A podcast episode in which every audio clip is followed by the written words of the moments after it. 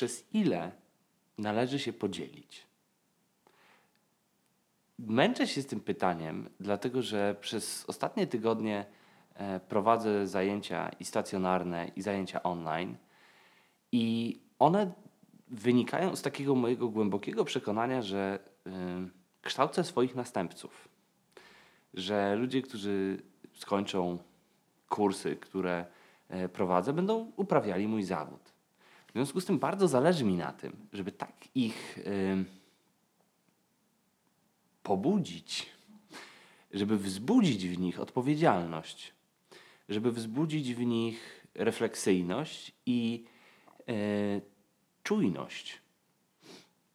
I żeby to zrobić, bardzo często posługuje się takimi działaniami, które mają budzić emocje, które mają spowodować, że ktoś y, poczuje na sobie ciężar odpowiedzialności zawodu, do którego się wybiera. Niezależnie od tego, czy y, będzie realizować ten zawód w uczelni, czy będzie go realizować w kontakcie z klientem. I tu, i tu mamy ogromną odpowiedzialność za nowo powstającą wiedzę, no i za dobrostan człowieka, z którym e, się spotykamy. Hmm.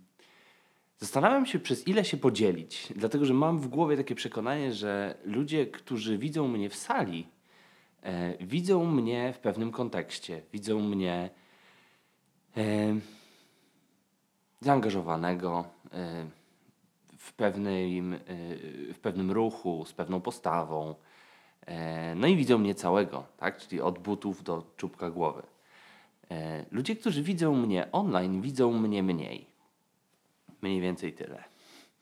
E, widzą mnie też w sytuacji, która jest zaaranżowana. Dobrze oświetlona, zaprojektowana tak, żeby sprzyjać nauce.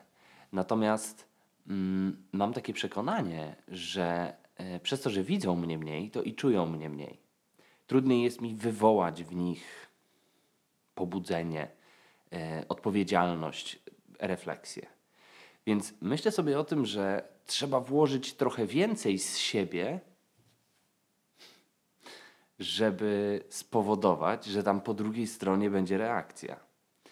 E, wydaje mi się też, że dużo z tego, co mówię, i z tego, dużo z tego, jaki jestem, dużo z tego przykładu, który próbuję dawać, e, no trzeba jakoś y, zbalansować, trzeba sobie jakoś poradzić z tym moim naporem i z próbą przekonywania, edukowania, uczenia i tak dalej.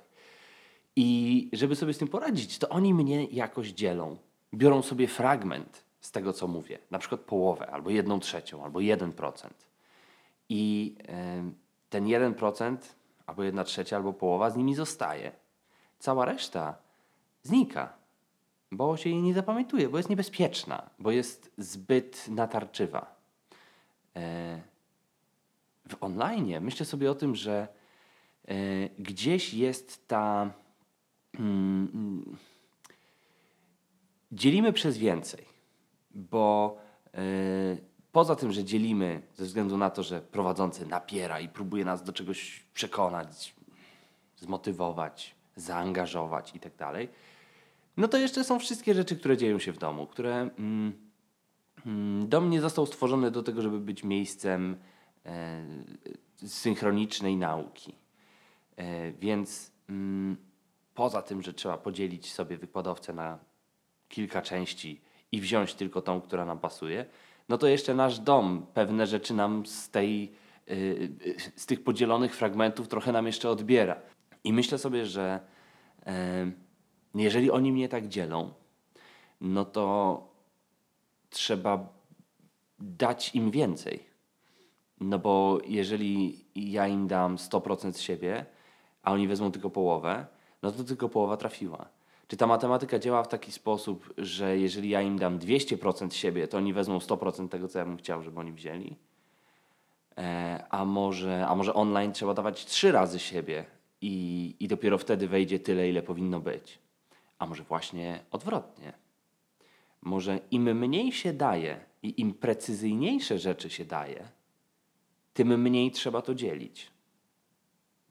Może im mniej jest się natarczywym, e, poruszającym, inspirującym, e, jak to się mówi?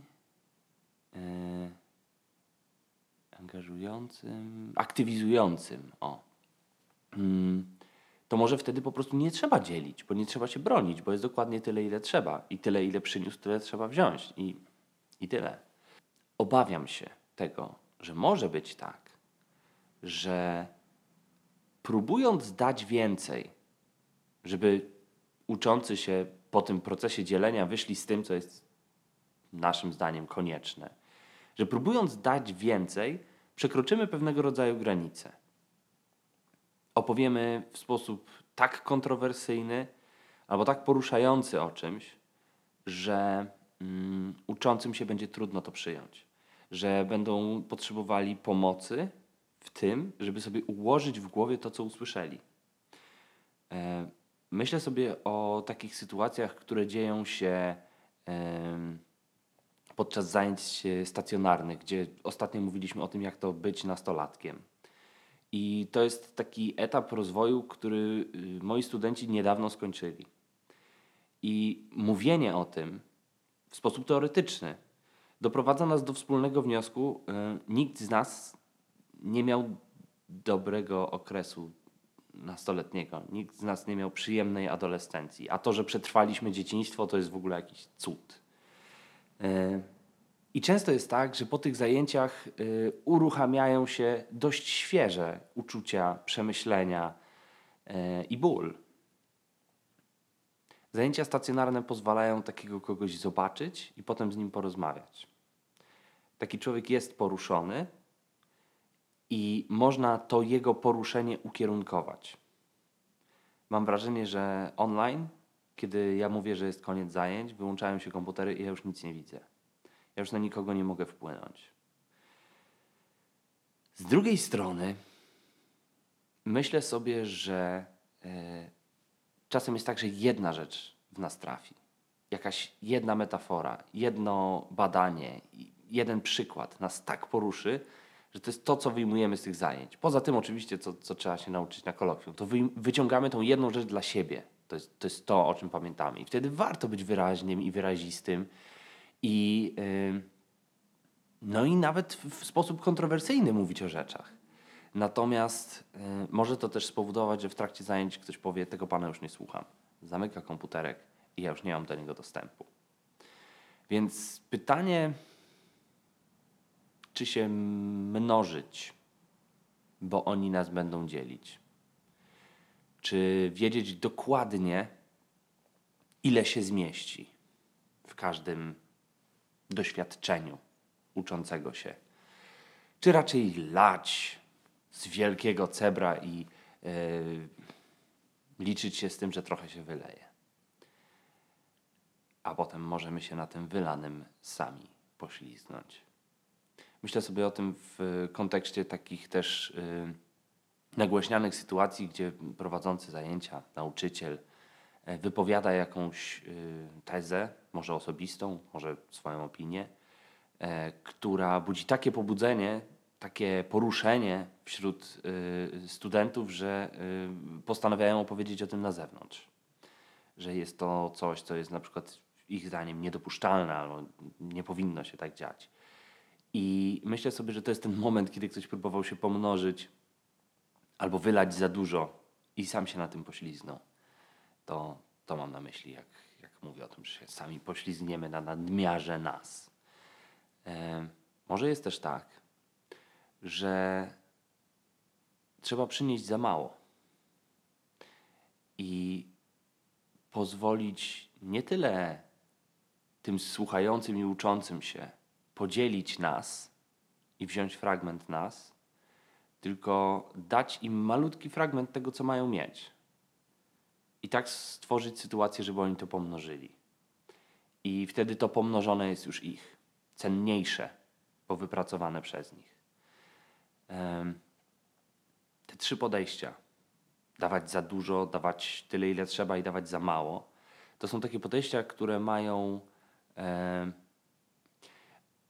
mają taki potencjał, żeby stać się jakimś mottem albo sposobem działania.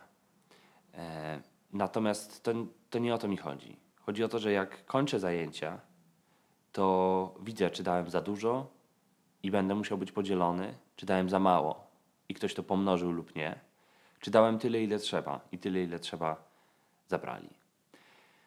Wydaje mi się, że jest to raczej y, metodyka patrzenia na konkretne zajęcia, a nie sposób bycia na całą swoją karierę edukacyjną. Wydaje mi się też, że w tym, w tym zastanawianiu się, ile ma być mnie, trzeba zadbać o to, y, ile będzie ich.